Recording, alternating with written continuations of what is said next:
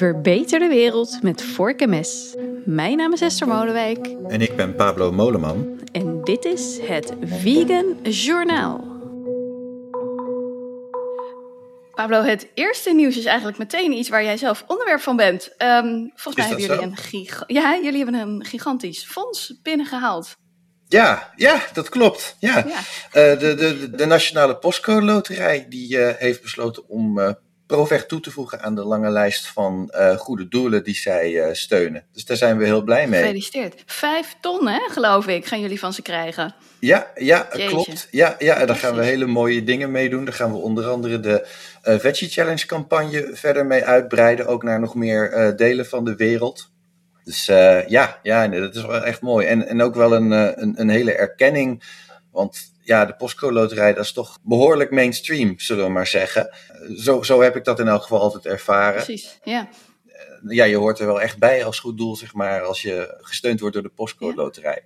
Hey, en en eh, ik ben dan wel benieuwd, ging dat met zo'n officieel gebeuren, met zo'n gigantisch grote cheque die je dan van die kale man eh, overhandigd krijgt? nou, ehm, er, er was dus wel een, er werd een gala georganiseerd. eh, waar alle goede doelen dan kwamen om, om, om dat geld dan officieel in ontvangst te nemen. Het, het Goed Geld Gala. Maar dat waren er te veel om allemaal individueel een momentje met, met Gaston te krijgen. Ehm, er werden ook nog auto's uitgedeeld trouwens. Dat was dan aan, eh, aan, aan deelnemers van de Postcode. Loterij natuurlijk. Tesla's, dat, dat, dat dan eh, wel gelukkig. En, eh, en, en Caroline Tensen, die, die praten het allemaal aan elkaar. Dus het, het was inderdaad bijna net alsof je eh, bij Miljoenenjacht zat. en je deed niet eens mee. Nee, we deden niet eens mee. Nee, maar we hebben wel, we hebben wel een prijs gewonnen.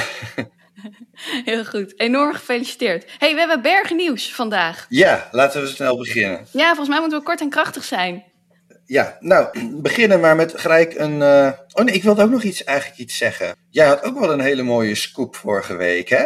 Met... eh, We gaan nog Eh, even door met de felicitaties. Ja, toch gaan we door met de felicitatie met Roel, Binnen, Roel Binnendijk, die zijn cover liet zakken, zeg maar. Ja, Dat, ja, ik Ja. heb daar echt ademloos naar zitten luisteren. ja.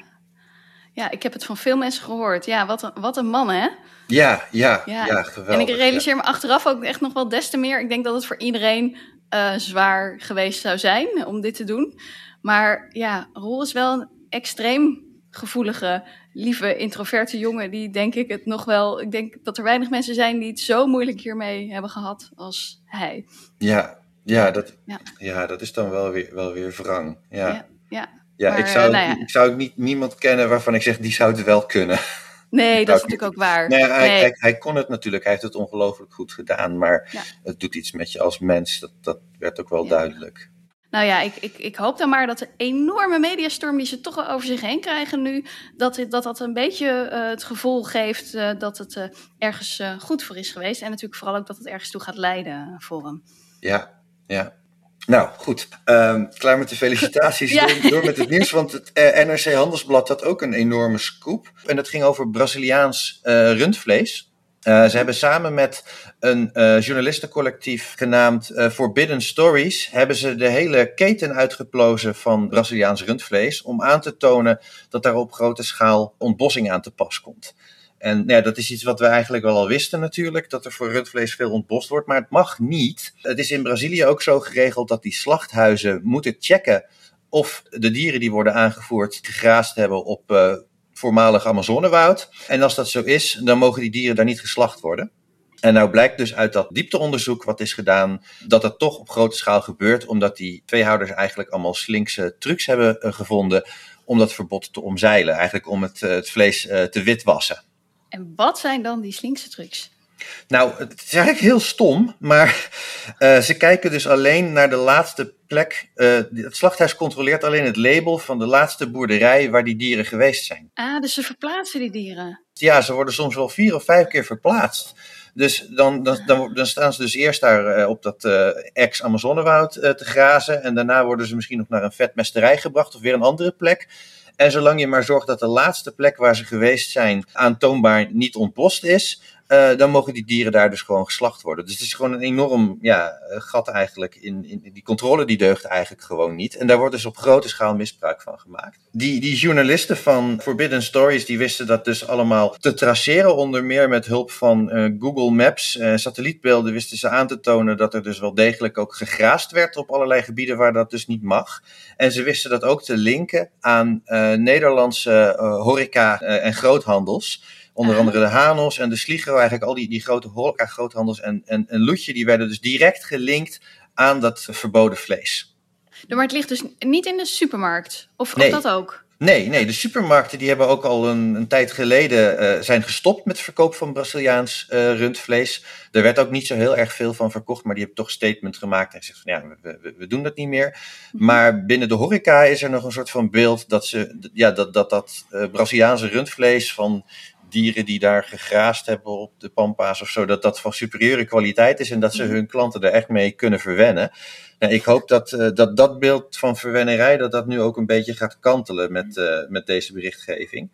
Loetje die heeft in elk geval al uh, aan NRC laten weten dat ze geschrokken zijn van het nieuws en dat ze van die specifieke slachterij waar ze dan aan gekoppeld werden geen vlees meer zouden afnemen. Maar de werkelijkheid is eigenlijk dat die controles zo defect zijn, maar dat je het gewoon niet kunt weten. Dus dat als, er, uh, als je rundvlees importeert uit Brazilië, uh, dat je geen garantie kunt hebben dat daar niet voor ontbost is. En misschien nog goed om even te noemen en ook om te onderstrepen wat voor maffiapraktijken er daar eigenlijk uh, aan de gang zijn om het allemaal te verdoezelen. Dat collectief Forbidden Stories, die zijn dus ook opgericht om onderzoek voor te zetten van journalisten die om hun werk zijn vervolgd, gevangen gezet of zelfs gedood. En dat is hier dus ook zo. Uh, de Britse journalist Dom Phillips en uh, zijn collega Bruno Pereira, uh, die zijn vermoord omdat ze probeerden dit soort fraude aan het licht te brengen. En dat collectief Forbidden Stories, die zet hun werk nu dus voort. Nou, wat een nalatenschap. Ja. Nou, dan uh, ga ik jou nu een fragment laten horen uit een commercial. En ja, toen ik hem hoorde, dacht ik, dit zou zomaar een Proveg commercial kunnen zijn. Maar dat is het niet. Uh, oh, luister nou, maar. Ik ben benieuwd. Eating mostly plant foods like fruits, vegetables, whole grains, and beans is good for your health. I use beans instead of meat in my grandmother's jerk style recipe. And when I'm at work, I get a tofu vegetable stir fry. I like to get a whole wheat veggie hummus wrap for lunch. Fresh, frozen, canned, or dried, eat a whole lot more plant foods when you can. For free recipes, resources, and food assistance, call 311 or visit nyc.gov slash nutrition. Vrolijk hè dit? Ja, ja, ja, heel gelikt ook. Heel, uh, maar aanstekelijk, ja. ja. En dit is dus de campagne van de stad New York. Um, dus dit spotje is in heel New York te zien. In advertenties en op radio en tv, in bushokjes, in metro's, et cetera. Wordt dus ja, eigenlijk reclame gemaakt voor het eten van plantaardige voeding. En dit komt natuurlijk allemaal uit de koker van de burgemeester van New York, Eric Adams. Uh, die trouwens zelf uh, vegan is en daarmee zijn diabetes type 2 uh, eh, onder de duim heeft weten te krijgen. Dus echt vervent voorvechter is van een plantaardig dieet. Waarschijnlijk kennen de meeste luisteraars hem nog uit een eerder vegan journaal. Waarin we verslag deden dat hij elf ziekenhuizen in New York. ja, daar eigenlijk het plantaardige menu de standaard heeft gemaakt. En ook op de scholen laat hij nu plantaardig serveren. Heel en hij is nu dus een. Ja, gaaf hè? en hij is nu dus ja, een stadsbrede campagne begonnen.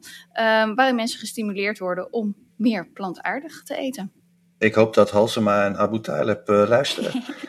wie van de twee zou het eerste zijn? Wat denk je? Wie, wie? Oh, dat is een goede vraag. Dat is een goede vraag. Ja. Zou het wel heel tof zijn als Abu Talib dat zou doen? Ja. Ik ga voor Abu Talib. Ja, ik, ik, ik denk, ja, ja, je zou denken Halsema GroenLinks natuurlijk, maar je, je, volgens mij heeft hij daar ik, ik, ik zet op mijn geld op Abu Talib ook, inderdaad. Maar, ja. maar toch, hè, Pablo, ik, ik denk als dit in Nederland zou gebeuren, dan zou de Telegraaf gewoon elke dag een gehaktbal op de voorpagina van de krant zetten. ik bedoel, dit, dit is toch onvoorstelbaar dat, dat een stad promotie maakt voor plantaardig eten.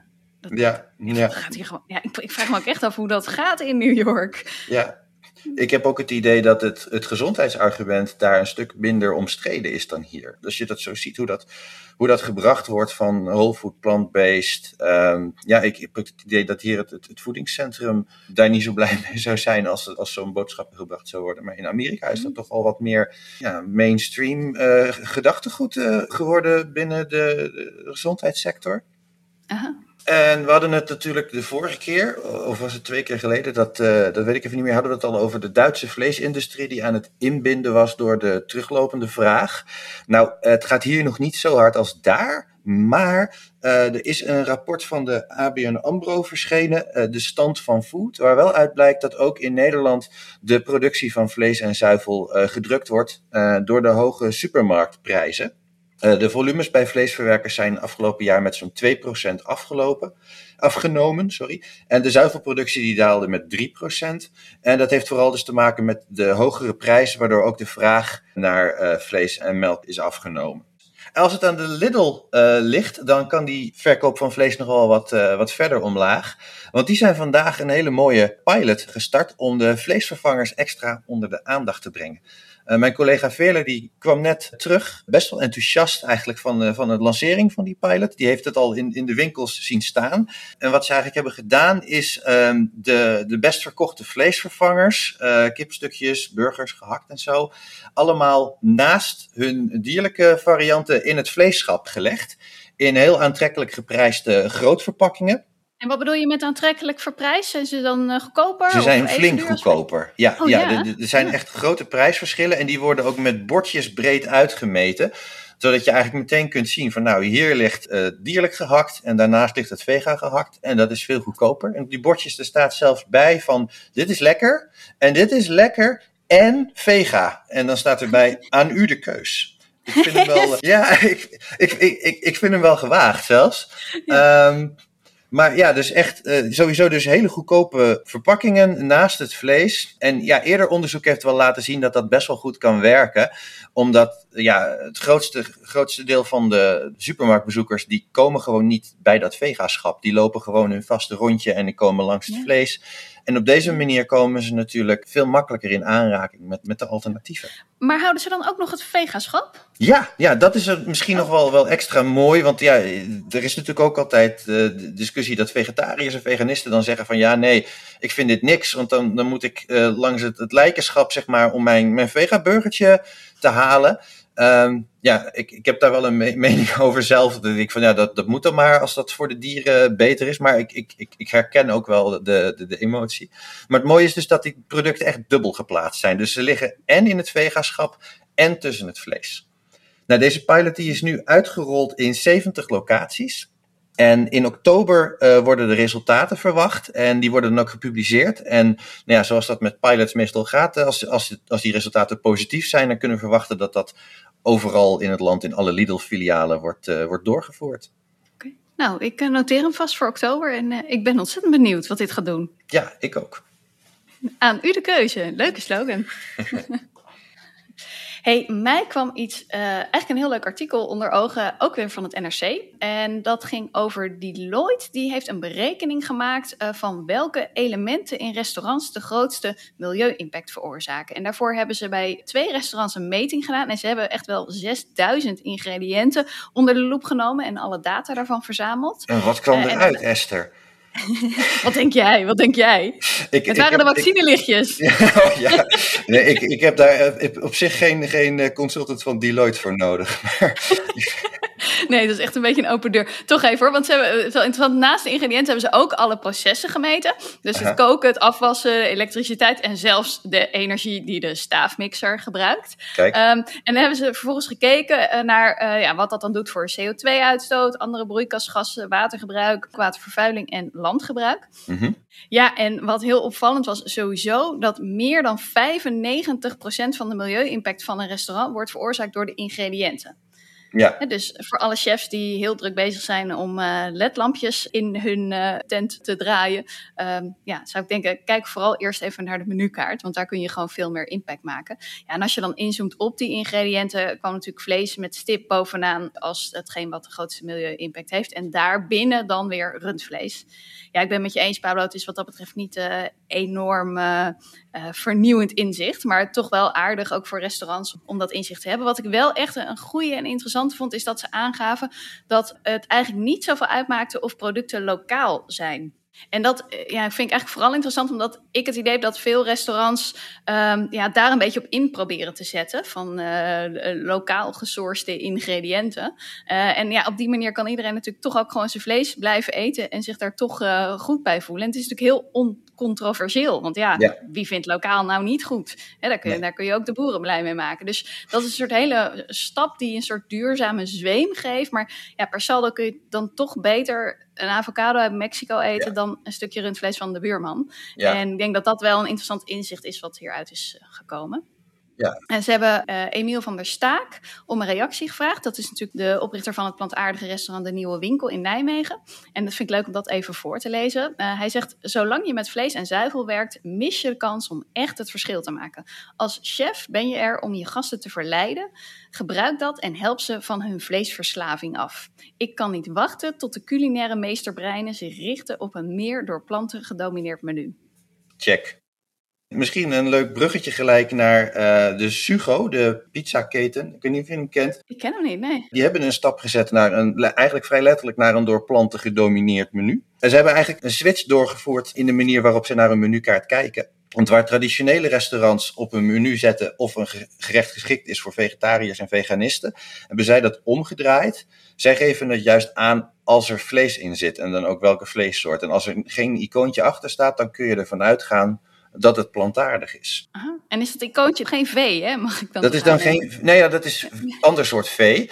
Ja. Uh, dan zie je een klein koetje of een klein kippetje ernaast staan of een klein melkpakje. Maar plantaardig is dus het nieuwe uitgangspunt van de menukaart, waarmee dus ook die norm uh, mooi opschuift.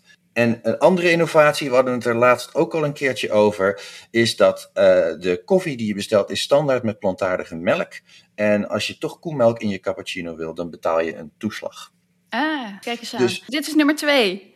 Ja, waar we verslag ja, van ja, kunnen doen. Ja, en een hele keten, hè? want ze zitten op 13 locaties, uh, onder andere meerdere locaties in Rotterdam, Amsterdam, Utrecht, Amersfoort, Brielen en Berkel. Dus het is ook wel, uh, ja, wel redelijk uh, substantieel. Het is een middengrote pizzaketen, zou je kunnen zeggen. En ja, een hele gedurfde stap. Maar ik ben dus ook meteen op die menukaart gaan kijken natuurlijk, hoe zo'n plantengedomineerd menu eruit ziet. Mm-hmm. En uh, ja, toen zag ik toch wel, wel heel, echt heel erg veel uh, varkentjes en koetjes en kippetjes voorbij komen. Dus ik, okay. het, is, het is denk ik een, een, een heel mooi begin. Het is fijn dat het uitgangspunt uh, veranderd is. En ik denk dat je op zich als veganist of vegetariër heus wel aan je trekker komt. Maar je hebt niet heel erg veel keus. Dus ik, ik denk dat, ik, ik hoop een beetje dat die nieuwe manier van kijken, dat dat er ook toe leidt dat de samenstelling van de menukaart snel verder gaat opschuiven. Ja, helder. Ja, gelijk maar nog, nog verder met meer uh, restaurantnieuws.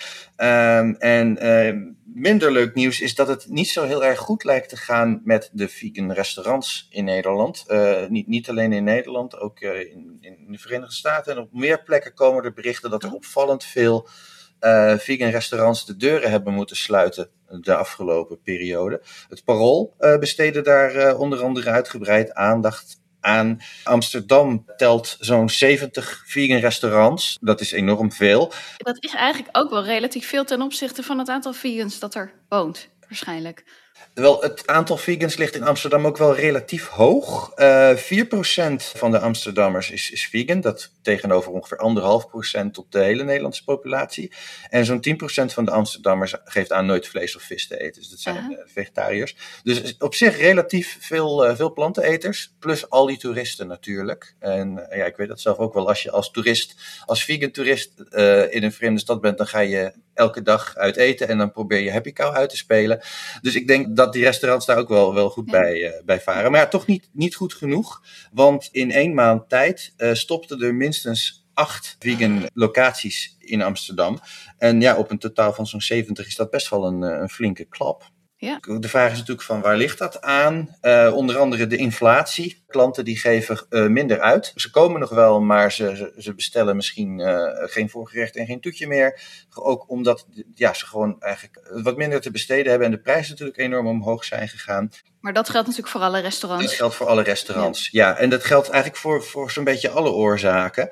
Uh, ze moeten bijvoorbeeld ook uh, coronasteun terugbetalen, uh, die ze in de afgelopen, ja, in de, in, tijdens de lockdown ontvangen hebben, allerlei uitgestelde belastingbetalingen.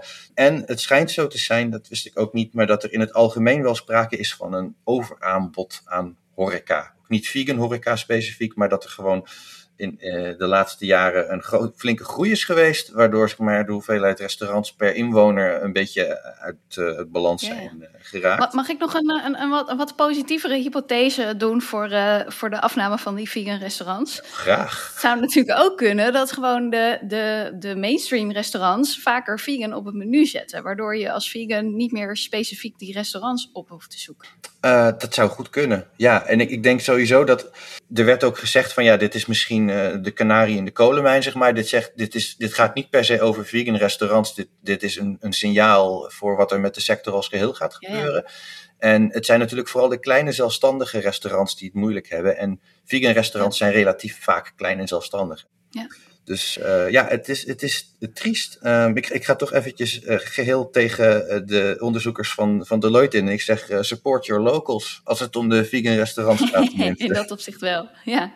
Hey, ik vind dat we af en toe even ook wat nieuws moeten brengen uit de, de, de mainstream landbouwsector. Mm -hmm. om de luisteraar een beetje te updaten wat daar gebeurt. En in dat kader las ik deze week in het magazine van de Belgische Boerenbond een heel opvallend artikel um, over hoe je een koe een melkrobot inlokt. Er is namelijk een speciaal Europees innovatieproject voor in het leven geroepen.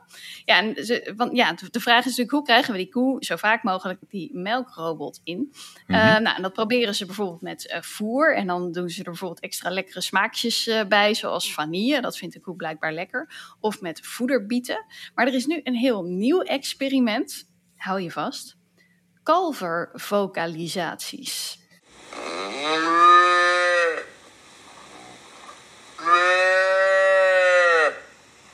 Ja, um, nou ja, dit, dit soort geluid zou dus de koe de melkrobot uh, in moeten lokken. En ja, het is op zich niet zo heel ver gezocht, want het is wel zo dat in een natuurlijke situatie het contact tussen moeder en kalf een soort gelukstofje creëert bij de moeder. Dat is dan oxytocine, wordt ook wel het knuffelhormoon genoemd. Volgens mij werkt dat trouwens bij uh, menselijke moeders uh, hetzelfde. Um, en nou, dat, dat contact zou dan dus de melkproductie stimuleren. Nou, ze hebben inmiddels wel in onderzoek vastgesteld dat het afspelen van die kalvervocalisaties in de wachtruimte voorafgaand aan het melken de melkproductie met 1 à 2 procent verhoogt. Uh, maar ja, nu was dus de vraag van, kunnen we ook zorgen dat ze vaker die melkrobot ingaan? Nou, de onderzoekers hebben dus het geloei van acht weken oude kalfjes opgenomen. Uh, even voor de duidelijkheid, dat zijn dan de kalfjes die weggehaald zijn bij hun moeder. En ze hebben dat geluid vervolgens afgespeeld in de melkrobot. Gaat het dan specifiek om de kalfjes van die moeder ook, zeg maar? Nee, nee, nee, nee, nee dat, is, nee. Dat is trouwens interessant dat je dat zegt, want het werkte namelijk niet. Dus oh. misschien, Pablo, is het wel daardoor uh, dat, die, dat die moeder denkt van ja, wat moet ik nou met dat, met dat andere kalf dat aan het loeien is? Ja, uh, want ja. Gaat, die, gaat die moeder nou eens een keer dat kind troosten? Ja, ja, precies. Ja, nee, de, de grap is, is de, ja, het heeft gewoon eigenlijk echt niet tot een hogere uh, gang naar de melkrobot uh, gezorgd. Um, okay. Nou las ik dan wel in dat artikel dat het er mogelijk mee heeft te maken dat ze de geluiden niet lang genoeg hebben afgespeeld of niet hard genoeg. Ja, ja. Uh, zullen we hier iets over zeggen of zullen we dit gewoon aan de luisteraar overlaten om hier iets van te vinden? Ja, wat moet ze er nog van zeggen? Ja. ja. Ja, het is, het is gewoon. Wat, wat, heb je nog nodig om te snappen dat, dat, dat die melk eigenlijk voor dat kalf is? ja. Maar goed, dan weten we toch een beetje hoe het eraan toe gaat in de industrie. Ja, ja. Um, nou, dankjewel voor dit, uh, voor dit inkijkje, Esther. Um, en dan gaan we door naar uh, de Europese Rekenkamer. Die geeft een heel ander inkijkje, namelijk in hoe het staat met de miljardensubsidies uh, die de EU besteedt aan klimaatbeleid binnen het landbouw. Dus op zich natuurlijk heel goed dat daar zoveel geld naar, uh, naartoe gaat. Maar dat rapport van de Europese Rekenkamer, ja, dat is, kunnen we wel zeggen, ronduit vernietigend. die zegt dat het vrijwel niks heeft opgeleverd. En om eventjes te illustreren hoeveel geld... Wacht even hoor, dat het vrijwel niks heeft opgeleverd? Ja, dat, dat sommige van die uitgaven zelfs contraproductief zijn geweest. Dus om eventjes een idee te geven van de schaal. We hebben het over 100 miljard euro uh, die de EU heeft besteed aan uh, klimaatactie binnen de landbouw. Uh, dat is de helft van het totale budget wat de EU besteedt aan, aan, aan, aan klimaatverandering. En een kwart van alle landbouwuitgaven. Dus dat is echt een, ja, een enorm bedrag. En uh, ja, de conclusie van uh, de Europese Rekenkamer is dat het eigenlijk gewoon uh, weggegooid geld is geweest. Maar Paolo, hoe kan dat? Waar, waar is het dan aan besteed? Ja, niet aan de juiste dingen dus. er worden vooral maatregelen gefinancierd die een beperkt potentieel hebben om de klimaatverandering te ma matigen. Dat schrijft de Rekenkamer. dus wat er on onder andere niet wordt gedaan, is proberen om de veestapel te verkleinen. En er worden zelfs ook uh, landbouwers gesteund die uh, dingen doen die extra emissies opleveren, namelijk de waterstand uh, verlagen, waardoor er allerlei broeikasgassen uit de, de, de bodem weer naar boven komen. En volgens die rekenkamer is het alleen mogelijk om de klimaatdoelen te halen als de lidstaten veel meer gaan doen om de vleesconsumptie van hun inwoners te beperken. Dus een extreem kritisch rapport. Ze halen ook nog eens een keer natuurlijk ja, een uh, de subsidies erbij die precies het tegenovergestelde doen, namelijk Europese inwoners stimuleren om meer vlees te eten. Ah, ja. Ja. Tja. Ja. Gaat dit nou weer tot, nieuwe, tot nieuw beleid leiden vooral? Niet alleen inzichten hebben we genoeg, hè? maar gaat het vooral leiden tot, uh, tot verandering in die subsidieuitgaves? Ja, ja nee, dit, dit is, de, de, de, de tegenlobby is enorm. En um, ze durven het gewoon echt niet aan, want ja, dit is natuurlijk niet de eerste keer dat deze constatering wordt gedaan. Om de zoveel jaar wordt dat hele GLB opnieuw tegen het licht gehouden. Uh, en dan wordt er echt wel door, door sommigen geprobeerd om dat beleid te verduurzamen, maar uiteindelijk trekt de landbouwlobby toch elke keer aan het langste eind. Goed, um, ik ga het over kweekvlees hebben. Uh, toch weer een interessant nieuwtje, namelijk van het bedrijf Meatable. Uh, een van de twee Nederlandse kweekvleesbedrijven, die heeft hun proces flink weten te versnellen. Ze hadden drie weken nodig om uh, tot een worst te komen, vanaf een cel tot aan een uh, kweekworst. En inmiddels zijn dat acht dagen geworden. Nou, dat is natuurlijk een, flinke opschaling. Dat betekent natuurlijk ook gewoon minder energie die ze nodig hebben om hem, om te kweken. Dus ik denk een goede stap. Ja, en wat interessant in de persbericht dat ze zelf naar buiten brengen, vergelijken ze het vooral met de tijd die er nodig is om ja, van een varken een worst te maken. En dat zijn natuurlijk acht maanden. Dus wat dat betreft is het een spectaculaire verkorting van de tijd. En ze zeggen ook nog eens dat de techniek heel goed schaalbaar is. Um, dus dat betekent dat de ja, productie gewoon uh, flink goed op te voeren is als er meer vraag komt. Ja, en de vraag is natuurlijk, is sneller nou beter? Uh, nou, in principe wel, want dan heb je natuurlijk, uh, ja, dan kun je grotere hoeveelheden produceren in dezelfde productieruimte. De snelheid is wel degelijk een, een belangrijke factor uh, in je productie hier. En ze verwachten zelfs dat het in de toekomst nog sneller zal kunnen. Dus ik ben benieuwd of we straks binnen een dag een worst hebben. Dat zou heel erg, heel erg gaaf zijn, ja. Ja, en dan politiek nieuws uit de provinciale staat van, uh, van Gelderland. Want daar heeft een, een, meerderheid van de partijen een motie aangenomen. Uh, die stelt uh, dat er in het restaurant van de, de provinciale staten elke dag vlees geserveerd moet worden. Oh ja, ik las het. Ja, inderdaad. Ja, ja, toch een beetje een andere wind. Want je hoort steeds meer juist over provinciale staten die bijvoorbeeld uh, moties aannemen dat uh, plantaardig de standaard moet worden. En dat je vlees op verzoek kunt krijgen. Of dat er meer plantaardig aanbod in het uh, provinciehuis geserveerd moet worden. Maar dit gaat dus linea recta de andere kant op. het is een, een, motie van de PVV. Geweest, maar die werd ook gesteund door onder andere BBB, CDA, VVD, SGP, Forum voor Democratie. En er is ook een aantal van die partijen die op dit moment bezig zijn met gesprekken over de coalitievorming. Dus ja, die hebben een, die hebben een, een ruime meerderheid. En dat is denk ik een, um, ja, slechts een voorteken van, van wat ons te wachten staat met uh, nou, BBB, die wellicht in alle provincies uh, aan de macht gaat zijn. Ja, ja want, want het was toch dat ze zich eigenlijk, in dit geval de PVV, zich vooral druk maakte over dat er dan misschien één dag in de week een vegadag zou zijn of zo. En dat, ja, uh, dat dan op, een recht om vlees te eten ja. werd doorkruist. Op de woensdagen, heb ik begrepen, werd het plantaardig aanbod extra onder de aandacht gebracht. En dat was voor, voor Marjolein Faber van de PVV, was, ging dat te ver. Uh, want ze, ze moest, zei ze, elke dag een carbonade kunnen eten als ze daar zin in had. Uh, ja, wat ik heb begrepen is dat het sowieso geen vleesvrije woensdag was. Dus het is wat dat betreft een puur symbolische motie. Er was al elke dag vlees beschikbaar voor wie dat wilde. En de provinciale staat heeft eigenlijk dus gestemd om dat zo te houden. Maar dat was niet het, uh, het gevoel dat erachter zat. Het was een emotioneel debat sowieso. Er werd ook veel geklaagd want het was tijdens de behandeling van de financiële jaarstukken. Dus wat heeft, het was bijna niet in stemming gebracht ook, omdat men zei van ja, waar, waar gaat dit over? Waarom gaan we het nu hebben over de kantine, terwijl we het hebben over de financiële jaarstukken? Ja. En er is ook heel veel kritiek gekomen vanuit de ambtenaren. Die zeiden, ja, dit gaat eigenlijk in tegen het duurzaamheidsbeleid dat we eerder hebben ingevoerd. Um, en dus ja, dus men vroeg zich ook af van, is dit überhaupt een politieke beslissing? Ik geloof dat ze zeiden van, dit is, dit is eigenlijk een beslissing die je met de met de personeelsvertegenwoordiging zou moeten nemen. Want de provinciale staat is niet, ja, vertegenwoordigt niet het hele personeel. Maar dat kun je natuurlijk uh, net zo goed zeggen ook over uh, moties die de, die de andere kant op gaan. Hm. Nou, zullen we met dit uh, mooie staaltje symboolpolitiek van de PVV ons Vegan Journaal afsluiten? ja, ik, ik denk dat we, dat, we, ja, dat we er doorheen zijn. Het is, het is een lange geworden. Het is een lange keer. Ik ben benieuwd of iedereen er nog is. Vast wel. Ja, ja succes met knippen.